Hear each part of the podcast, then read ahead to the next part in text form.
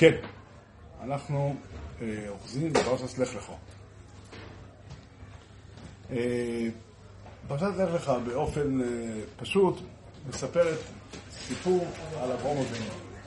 הסיפור הזה במובן מסוים הוא הסיפור המרכזי של התורה, כי כל מה שיש בתורה מתחיל באברהם אבינו. אם נרצה, היינו אומרים שהתורה צריכה להתחיל, לא היה צריך להתחיל את התורה על החודש הזה לכם, לא היה צריך להתחיל את התורה אלא מ... ויאמר השם אל אברום, לך לך, או מילד תולדות תרח, תרח הוליד איתמר. ואברום אבינו יצר מציאות חדשה בעולם, יצר מערכת של ברית חדשה בין הקדוש ברוך הוא לבין בני אדם, ומכוח הברית הזו ומכוח הגילוי של האמונה שהוא גילה, אה, נוצרה, התעצבה ההתעניינות של הקדוש ברוך הוא בעולם, האופי של, האופי של, של הפעולה האלוקית בעולם, ומכאן והלאה כל הסיפור נמשך מפה. וצריך אה, לדעת עד כמה אברהם אבינו הוא מרכזי, כן, בשביל להמחיש. חז"ל אומרים על מוישה רבינו, שהקדוש ברוך הוא אמר לו, לך רד כי שחט עמך, אז חז"ל, רש"י מביא את זה, כל גדולה שנתתי לך, רד בגדולו זכות, כי כל גדולה שנתתי לך, לא נתתי לך אלא בעבור ישראל. זאת אם אין עם ישראל, אז אין מוישה רבינו. ברור לגמרי שלאברהם אבינו לא אומרים את המשפט הזה, אלא הפוך. כל גדולה שנתתי לישראל, לא נתתי אלא בעבורך. זאת אומרת, במילים, כן, אברהם אבינו, הוא זכה, מה שלא זכה אף אדם בהיסטוריה חוץ ממנו. באופן חלקי, אפשר לומר את זה גם על יצחק ויעקב. למרות שזה לא אותו דבר, כי הם כבר בנים ותלמידים של אברהם אבינו. אבל, אה, אבל, אבל לצורך העניין, משה רבינו לא נמצא בשורה הזאת בכלל. אנחנו לא מבקשים מהקודש ברוך הוא משהו בזכות משה רבינו, אלא, אלא בזכות אברהם ובזכות ינקל. במקרה חירום כן, אבל בשגרה לא. כשישים אה, בזכות, בזכות, בזכות, מודיעים, אה, בדיל ויעבור, מזכירים כל מיני כאלה. אבל אה, עיקר הדבר, אנחנו נשענים על הקדוש ברוך הוא בתור אלוקי אברהם, יצחק ויעקב. ברוך אתה אדוני אלוהינו מלך העולם שהכל נהיה. ואברהם אבינו זה באמת סיפור מפליא שכדאי לתת עליו את הדעת, תמיד לחשוב עליו, מה אברהם אבינו עשה, איך הוא עשה, ובאיזה אופן אנחנו יכולים להיות שייכים לאברהם אבינו. כי הוא באמת... אם היינו, אה, לא, לא, יודע אם יש לאנשים תמונה של אברהם אבינו, אבל אנחנו, התמונה שהם צריכים לתלות בסלון הייתה התמונה שלנו. כן, אה, מה אברהם אבינו עשה? אז אברהם אבינו אה, הכיר את בוראו. במילים האלה זה לא כתוב בתורה, אבל הן מילים שכתובות בחז"ל, והרמב"ם בהלכוס רבי מזורם מתאר את הסיפור באופן רחב. הוא מלקט מהמדרשים, אבל באופן כללי אפשר להסתכל בתורה ולראות, אברהם אבינו היה אדם שהגיע להבנה נכונה, מלאה, של המציאות האלוקית ושל המשמעות שלה עבור חיי אדם. אפשר לראות את זה בפסוקים? אתה עושה את זה לבד? בפסוקים זה מתחיל ויאמר השם אל אברהם. לא, לא, אפשר לראות את זה, אה, אפשר לראות את זה שהוא הגיע לזה, שהוא היחידי שהגיע לזה. שאף אחד, הוא פוגש אנשים... שאותו השם בחר. לא, לא, לא. לא, לא, לא. הסיפור עליו מתחיל מ"ויאמר השם אל אברהם". קודם כל, אתה עכשיו שואל שאלה. הסיפור, הסיפור עליו מתחיל אה, שם, מבחינת הסדר הכרונולוגי של ה... לא הכרונולוגי, הסדר של, ה, של, של הספר. אבל הסיפור אומר באופן ברור, כתוב מפורש ככה בתורה, בפרשת ויגרו, כי ידעתי למען אשר יצא ואזבולו ואת בית סרחו בשם מודרת השם לאסוס דרכו ומשפט. זאת אומרת, יש משהו שאברהם אבינו מבין ועושה אותו, שאף אחד אחר לא עושה אותו. ולכן ידעתי. זאת אומרת, מה שכתוב ב"ויאמר שם אל אברום, לך לך מארץ לך", זה בגלל זה. אתה יכול לשאול, למה זה לא כתוב פה? זה שאלה שהרמב"ן שאל, והמהר"ל שאל, והתשובה העיקרית בעניין הזה, לדעתי, מותר לומר את זה, התשובה של רבי בנה. כן, רבי גם עסק בשאלה הזאת. הרמב"ן עונה תשובה שהסיבה היא שהתורה התקשתה לכתוב את הסיפור שהיה, כי את הסיפור הייתה צריכה לכתוב את הוויכוחים שהיה לאברום אבינו עם אנשי אה, דורו. את הוויכוחים באמונה, ואין דרך התורה לחזור על דברי כפירה. כן? ככה אומר הרמב"ן. לא יכול לכתוב ויצווה אברהם את זה. ככה הרמב"ן אומר, אה, וכו'. דרך אגב, מורי ורבי זיכרונו לברכה אה, התייחס לרומן הזה כל כך ברצינות, שהוא אה, בשנה האחרונה לחייו, חצי שנה האחרונה לחייו, בנושא יום כיפור הוא התקשר אליי ואמר לי שהוא קיבל עצמו בנעילה לכתוב ספר, שהתוכן שלו יהיה התשובות לכל השאלות באמונה שמופיעות היום בעולם, בלי לכתוב את השאלות. כאילו, רק התשובות לזה. ואז הוא אמר שאת השאלות הוא לא כותב בגלל הרמב"ן.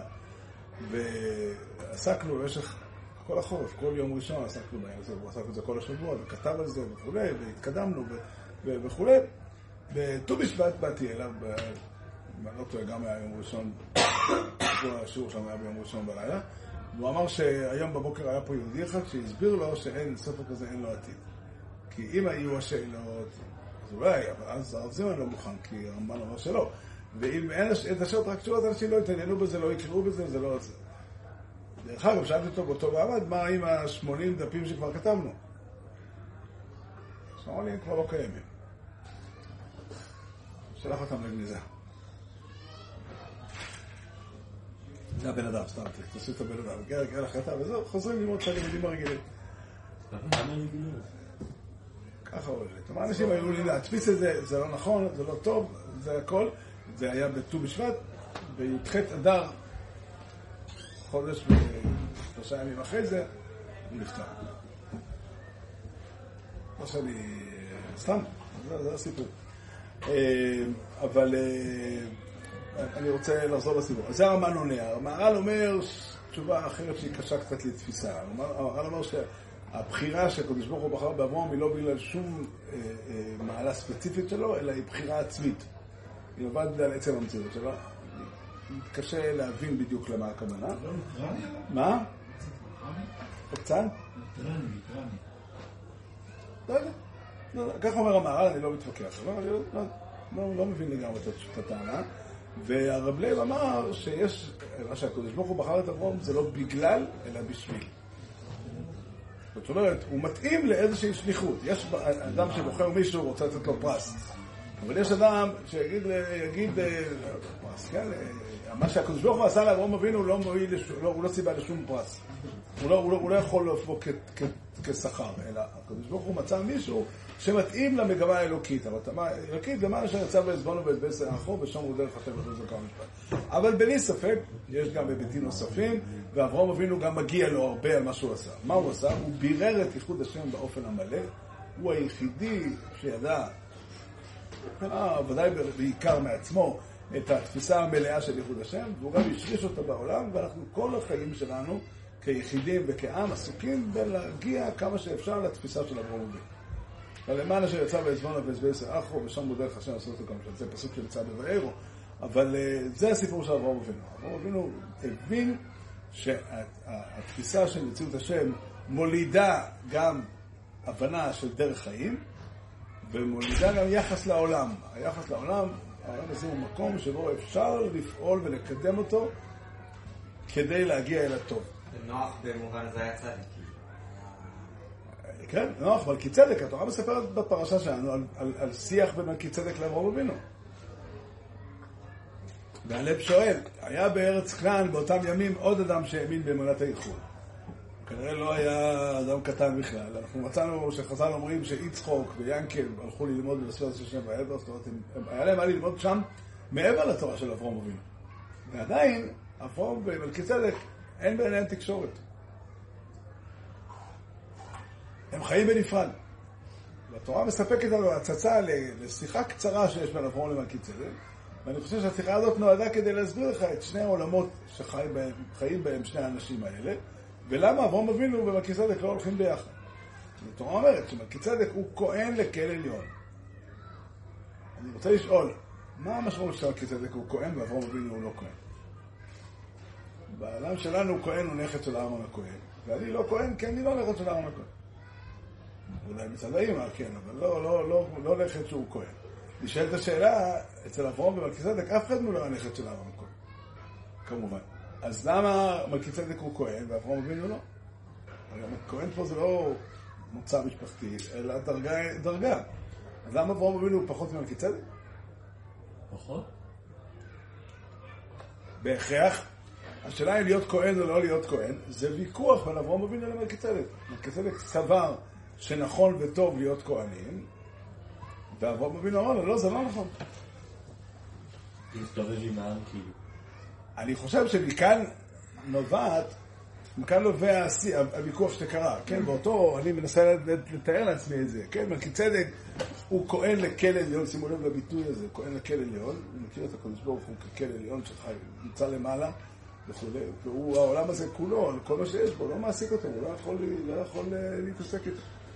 ואילו אברהם אבינו אומר, העולם הזה הוא העולם שהקדוש ברוך הוא ברא, ואותו אני מנסה לתקן, אותו אני מנסה לחבר, וזה מה שהוא עושה. אבל אצל אהרון גם המושג כהן עבר שינוי. עוד רגע, עוד רגע נגיע. קודם כל, אני חושב שזה הפשט בפרשה פה.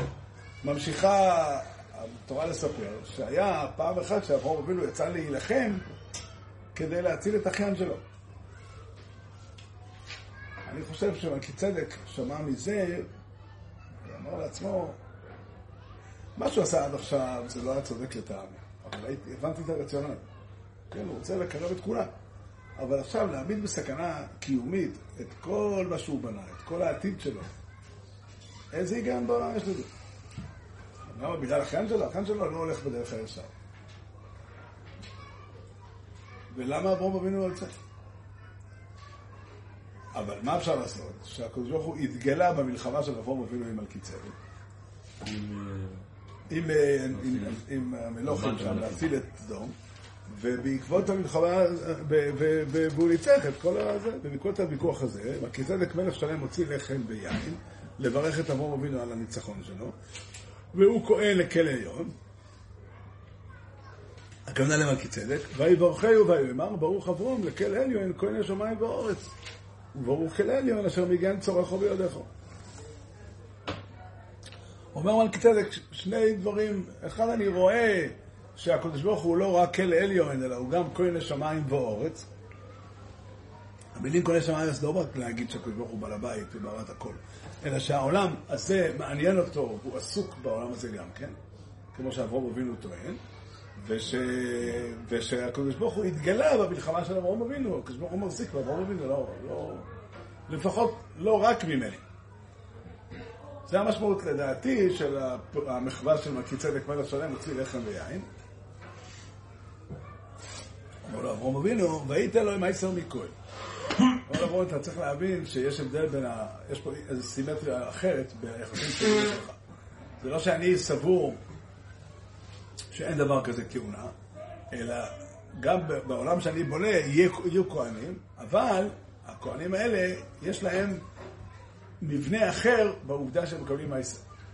העובדה שהם מקבלים מעשר זה אומר שהם לא כהנים לעצמם, אלא הם כהנים בשביל העם. המשמעות היא שהעם לוקח חלק מתוכו ומפרנס מכספו, מהתבואה שלו, את, ה, את, ה, את החלק הזה, את הכהנים. הכהנים האלה תורמים תרומה משמעותית לעם. כן, יאמרו משפטיך ליעקב וסרוסך לישראל. התפקיד שלהם ללמד תורה את העם. התפקיד שלהם הוא להיות שלוחי, שלוחי דידן בהקרבת הקורבנות בעבודה לפני השם. הם, הם, הם, צריכים אה, אה, אה, להעמיד את צורכי השם. התורה אומרת אצל אה, כהן גדול, ונשא את משפט בני ישראל לפני השם תמיד. הוא נושא את הצרכים של עם ישראל על ליבו תמיד, והוא צריך להתפלל. מכאן נדע הלכה בגמרא, הלכה ממש, הלכה שאומרת שכהן גודל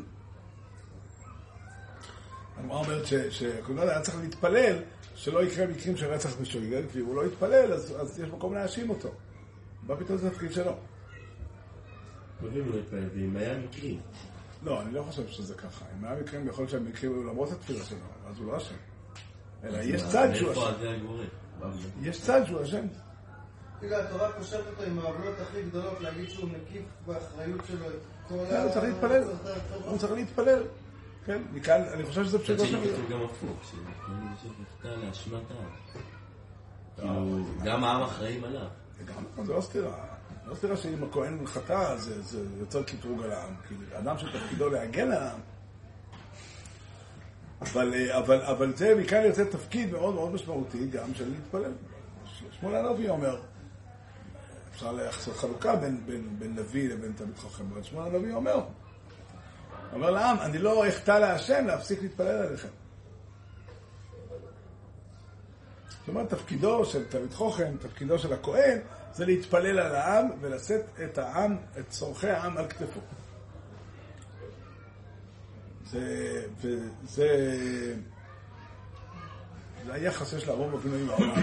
שאברום אבינו מצד אחד מכיר בזה ש, ש, שיש, שהעולם הוא יוצר בעיה, זאת אומרת, קשה לי לעבוד את השם מתוך, אה, להתמיד עם העולם, וצריך ליצור מרחב נפרד שבו אה, בו עבודת השם נמצאת בטהרתה, ומצד שני, עדיין אדם צריך להיות אחראי על העולם כולו, על כמה שהוא יכול לפעול ולשנות ולתקן, וגם להתפלל. ואני חושב שזה ממש נפלא, הפירוש הזה בפסוקים. זה מסביר את השיח בין מלכי צדק לבין אברהם.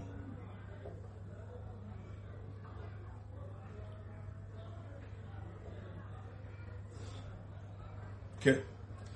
אה, אני רוצה להתייחס לעוד נושא, וזה מאוד מאוד משמעותי הדבר הזה. בבריס בין הבשורים, אחרי המלחמה הזו בין ארבעת המלכים לחמשת המלכים, וההתערבות של אברהם אבינו במלחמה הזאת, וזה שהוא כבש את ארץ ישראל כולה במלחמה הזאת, שזה כל זה מלמד מבחינת מעשה אבות סימן לבנים, שעם ישראל קיבל את ארץ ישראל. וגם למדנו שעם ישראל קיבל את ארץ ישראל במלחמה. הוא כבש את ישראל כולה במלחמה? איפה זה נשמע? את כיכר ה... מהדרום. לא, עד דן, יום טוב עד דן. דן זה בצפון, במזרח. דן זה... לא, דן זה ב... ב- זה די מרכז, לא? לא, לא, לא דן? לא, לא, יש שני מקומות, דן זה נחל דן הכוונה. רק שזה לא, התורה מדברת זה לאורך הקו המזרחי. אבל, אבל זה...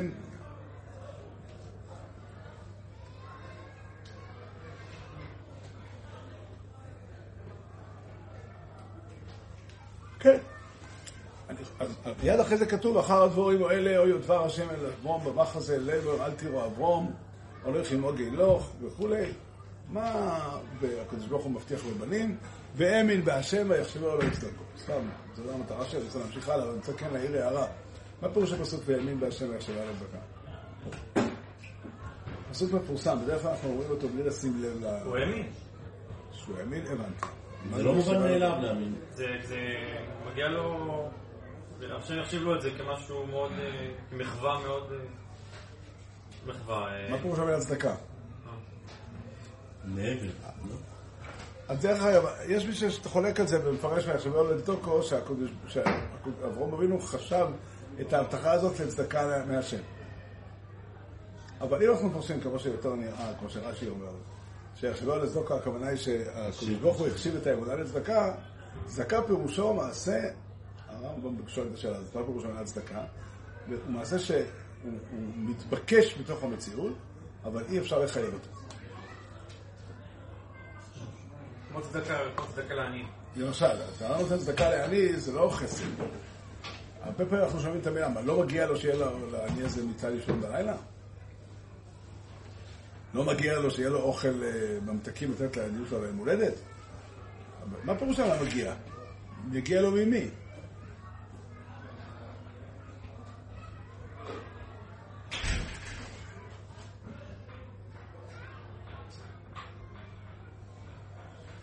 יודע. כשאומרים, המילה צדקה היא משורש צדק. כן? איזה צדק יש במילה צדקה? צדק? כן? צודק, זה מתבקש לתת למישהו שאין לו לאכול, לתת לו לאכול. זאת אומרת שזה לא חסד במובן הפשוט של המילה, שאני נותן דבר שאני לא חייב אותו, אלא אני נותן דבר שאני כן חייב אותו. לא, לא. לא, זה כמו חסד, לא דומה. אתה חייב. למה קוראים לזה צדקה? למה? מה ההבדל בין חסד לצדקה? חסד. המילה צדקה, השורש שלה היא צדק, לקרוא לנתינת רשות צדקה. זה כשאני. משלם למישהו משהו בעבור מוצר, זה צדקה? זה גם צדק. לא, לא. זה לא צדקה, זה לא צדקה. אם אתה קונה כדי לקנות, אתה חייב לא לקנות, אבל אם אתה קונה, אתה חייב לשלם, זה צדק מלא. אבל כשאני נותן לעני כסף, זה לא צדק. כן, אנחנו לא חושבים שאני מחויב באופן מוחלט. חלק מהעולם הוא שהחסד הוא מוצדק. למה קוראים לזה צדקה? לא, יש הבדל מלהגיד אם זה מוצדק, אם מעשה החסד הוא מוצדק. אולי באמת זה לא צדקה, זה סתם משהו שנכנס. כאילו בתורה לא כתוב שלתת לעני זה צדקה. אז מה כתוב? כתוב על אדם שמחזיר את המשכון, לך תהיה צדקה. שם זה באמת צדק. לא, כן, שם זה באמת... באמת, אה, זה לא. התשובה לזה היא שיש, צדקה היא צדק רך. הצדק הוא, הוא מצבים כאלה שבהם האדם נתבע לעשות את המעשה, וכל כללי, כל ההנחות של התביעה הן מבוררות מעצמם. כמו למשל אדם שלווה כסף, במועד הפירעון, קבעו את המועד הפירעון עוד שבועיים, הגיע השבועיים האלה, ואני בא לבקש מאדם שהלוויתי לו את ה-200 שקל האלה. זה, זה צדק מוחלט. הצדק קובע שאני צריך להוציא 200 שקל מהכיס שלי ולתת אותו לך. כי לוויתי. אבל יש צדק שהוא לא צדק מוחלט. יש צדק שהוא לא צדק מוחלט. כשהצדק אומר שראוי ונכון שיהיה להוא אוכל, אבל אין פה משהו שמכוון את התביעה הזאת אליי. כי הצדק לא אומר שאני צריך לתת לו, אולי אתה תיתן לו, אולי הוא ייתן לו. זה שאני נותן, זה היענות שלי לצדק הרך, קוראים לזה. לכן קוראים לזה צדקה.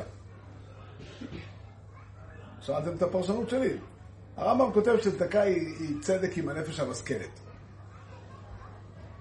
אני קרוב לזה אני אומר, כן? האדם, המעלה, מתוך מעלתו, הוא מזהה שהוא צריך לתת, אבל אי אפשר להגדיר את זה כחוב מוחלט, ולכן הנתינה היא לא צדק מוחלט.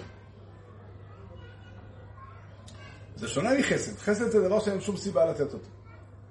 פה יש לי סיבה, אבל אי אפשר לחייב אותי, כי, כי, כי, כי מה פתאום אני? אפשר, אנשים אחרים יכולים לעשות את זה. אבל אם ככה זה צריך להתחלק בין כולם. כי חסד זה נתינה לא צודקת? החסד זה הנטייה שהצדק לא קובע אותה בכלל. לא יודע, אני יכול לתת כמה שאני רוצה. אם אני נותן, אני נותן כמה ש... יש לי כמה שאני יכול לתת. אם אני, אם אני מרגיש שאני יכול לתת יותר, ואני נותן כדי לתת לאדם צורך שהוא בסיסי, אז אני אקרא צדקה.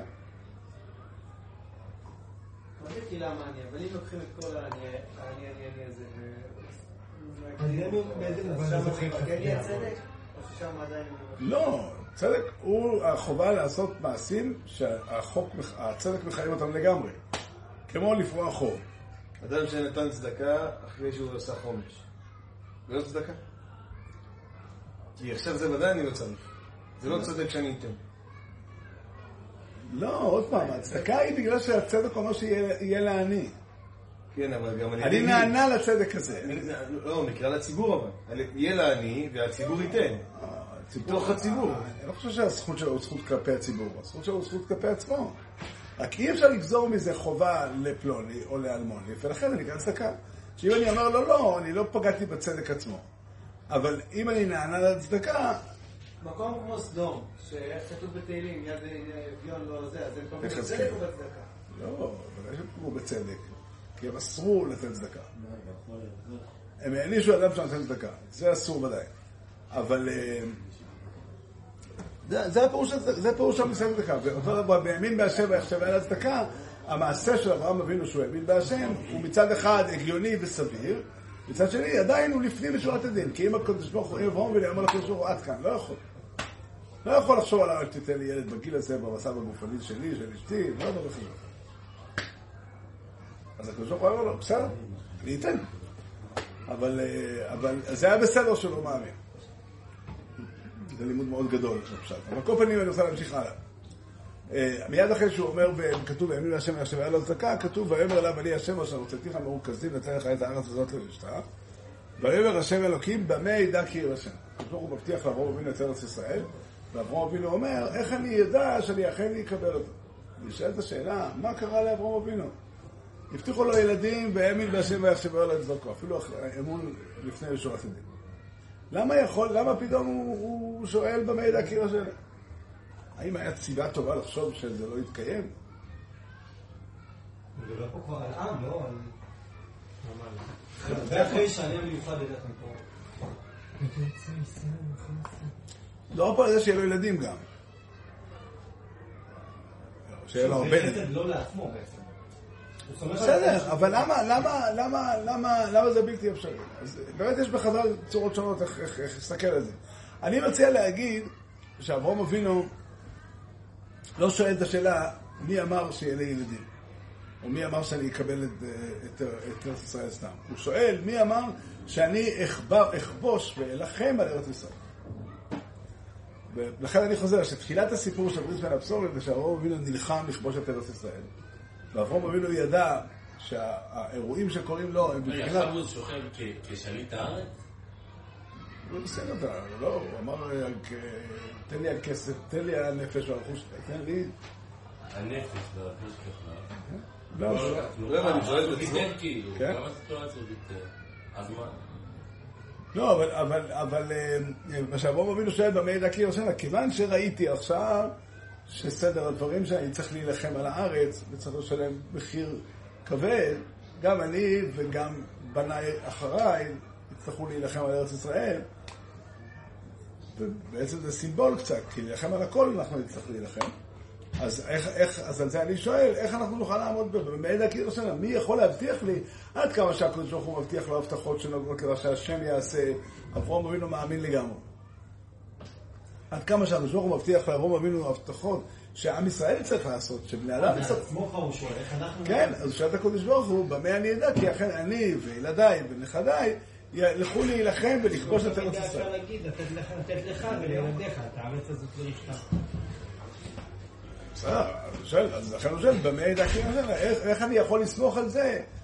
ש- למה אפשר יהיה לסמוך על זה שאני, אה, שאכן אני אכבוש אותה? לא מבין מה השאלה, אם הקדוש ברוך הוא ייתן את הכוח, אז מה... מה זה רלוונטי לשאול על השם עצמו, מי אמר שאתה תיתן לי את מה שהבטחת, או מי אמר שאתה, מה שהבטחת לגביי נכון? לא, בגלל שבסופו של דבר זה תלוי בבחירה שלי. אז מה הוא שואל את השם? שישאל את עצמו. הוא שואל את השם, האם אתה, מה, איך אפשר להבטיח? זה בחירה לא רק שלו. של הילדים שלו, של הדורות הבאים. האם אני יכול להבטיח לי? ההבטחה שלך היא חסרה, היא, מאוד מאוד מוגבלת, כי אין לי דרך להבטיח שזה יקרה. היום הילדים שלי רוצים להילחם. אולי עוד חודשיים, עוד שנתיים, עוד עשרים שנה, עוד מאה, עוד שתי דורות, הם לא לו? אז לכאורה התשובה שהשם עונה לו זה, ידוע תדע כי גר יהיה זרעך בארץ עליהם ועבדו ועילו אותם ארבע מאות שנה, ואחרי כן יצאו לחוש גדול. במילים אחרות, גלות וגאולת מצרים הם הערבות לזה שעם ישראל ימשיך להילחם על העתיד שלו. בגלל שהוא סובל? כן. הוא יודע מה זה להיות גר. כן, הוא חייב, כאילו, אה. הוא חייב- מדינה שלו, כי אם לא, יש התאבדות. לא מספיק, לא מספיק אה, משכנע. אני חושב שהסיבה היא כי, כי אה, ופה נמצא הנקודה המשמעותית באמת של אברהם אבינו מבחינת, אה, כאילו, בפרשת נח למדנו על כל העמים, כל השבעים אומות שנוצרו אחרי המגות. ועל כולם כתוב שיש שלוש גורמים שיוצרים את העמים כעמים. למשפחותם, ללשונותם, לארצותם. או במילים אחרות, למשפחותם זה מוצא אתני, ל- ל- ל- ללשונותם זה התרבות שלהם, ולארצותם זה הארץ שבתוכה הם גרים. שלושת הרכיבים האלה, הם יוצרים את כל העמים בעולם. לפעמים יש את שלושתם לחלק גדול מהעמים, וחלק אחר יש רק חלק מהם. אבל זה מה שעושה את העמים. שפה, שזה תרבות בעצם, מוצא אתני, שזה מקור וכו', ו- ו- והארץ שבה אנחנו גרים. יש גם אה, היקש בין הדברים, כי זה שחיים ביחד יוצר גם תרבות משותפת וכן הלאה. אבל אלה שלושת המוטיבים שיוצרים את העמים בעולם. זה... אה, ומיני ובה אנחנו חייבים להבין ששלוש הסיבות האלה, כשהם עושים עם, הם עושים אותו בדרך אה, ממילא, לא בדרך של מודעות. זאת אומרת, השפה לא נוצרת, אף אדם בעולם לא ממציא שפה. ניסו, לא הלך. זה תהליכים. גם אה, אה, להמציא משפחה, כן? זה תהליכים שקורים אה, עד, שזה מתגבש, עד שזה נוצר, והרבה פעמים זה לא מתגבש בסוף. וכן הלאה.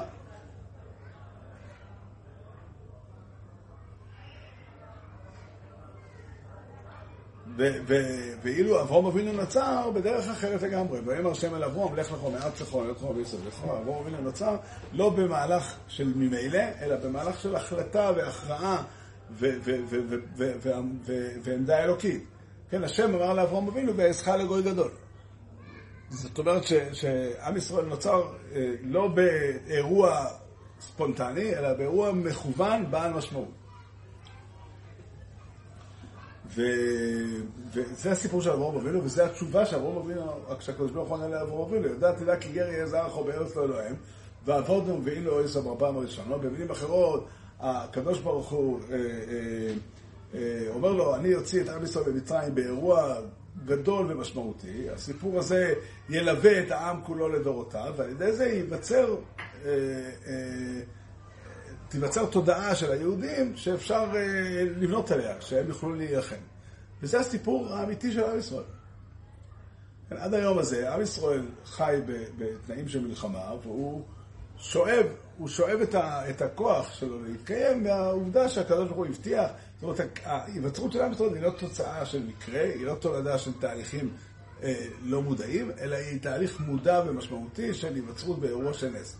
בשביל להמחיש, מגילת העצמאות פותחת במילים, בארץ ישראל קם העם היהודי. המשפט הזה הוא ויכוח ישיר עם מה שהתורה מספרת. ו- גם העם היהודי במצרים? או שתגיד במצרים, או שתגיד במעמד הר סיני, או בערבות מואב, עם ישראל לא קם בארץ ישראל. בחומש שמות זה ברור. לא, אני עצמם מבין כבר את המושג יהודי. אה? אז התשובה היא גירי אזרח בארץ עולם. התשובה היא גר יהיה זכה בארץ הלהם. יהיה אירוע טראומטי של גרות, של עבדות, של, של, של עילוי. ויצאו מהאירוע הזה באירוע, אה, גם את האירוע של עבוד דודן אנוכי, באירוע של אה, התערבות אלוקית מוחשת, מוחשית. וזה ייצור את התודעה של העם ואת ה, את ה, את ה, את הזהות, הזהות הלאומית של עם ישראל.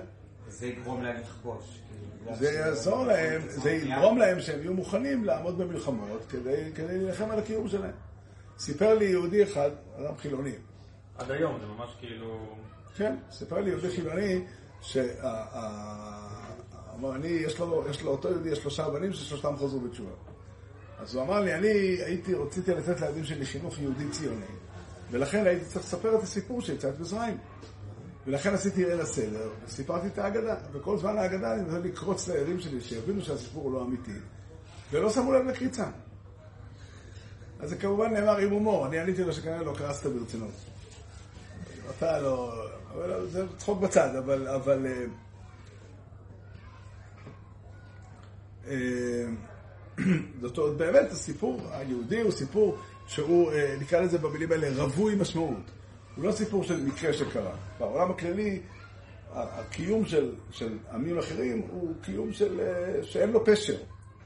אין לו פשר, וזה שאין לו פשר לא עושה את זה חלש יותר, חזק יותר.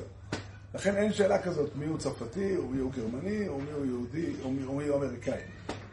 מי שרוצה את הדבר הזה נמצא שם ושייך לשם, וזה הכל. אבל התורה, אה, אה, אה, אה, כן, התורה יוצרת את, ה, את, ה, את, ה, את התפיסה הזאת, היא יוצרת מצב שבו אנשים שייכים לכל מיני מקומות, נמצאים בכל מיני מקומות, ועדיין הם שייכים לברית. זה בעצם מסביר את העובדה שיהודים חיים כבר אלפיים שנה בגלויות שונות, בארצות שונות, בתנאים שונים, והם הם ממשיכים להישאר מזוהים עם הסיפור, כי יש להם סיפור מיוחד עם משמעות, אין להם סיפור רק שככה זה. זה הסיפור, זה מה שרצינו לומר. גם במגילת העצמאות זה נשמע שהם מגדירים שהעם היהודי לפני קום המדינה. לא, ודאי, אף אחד לא חושב שהעם היהודי קם בהקמת המדינה. אבל יש להם סיבה טובה מאוד למה הם בחרו דווקא שם. אנחנו יודעים כנראה מי ניסח את המשפטים האלה, הוא לא היה מאורס בכלל. למה הוא ניסח אותם ככה? כי הוא רצה לבטא, וזה חלק בעצם מהרעיון, בואו נשמיט את הברית עם הקדוש ברוך הוא כיסוד לקיום היהודי, או את הגאולה האלוקית כיסוד לקיום היהודי, אלא. כן, הם השתמשו בזה באו"ם. כאילו... אני לא חושב שהם צריכים באו"ם שם את זה. אני חושב שהרעיון הציוני, באמת, ואנחנו צריכים לשים לב למורכבות שלו, הרעיון הציוני הוא רעיון חילוני באופן מובהק. וממילא אה, אה, אה, הוא, הוא, הוא צריך למצוא, להעמיד את הבסיס הלאומי ב- על, על, על, על תנאים נורמליים, על שפה, על עם ועל ארץ. כן? de cero.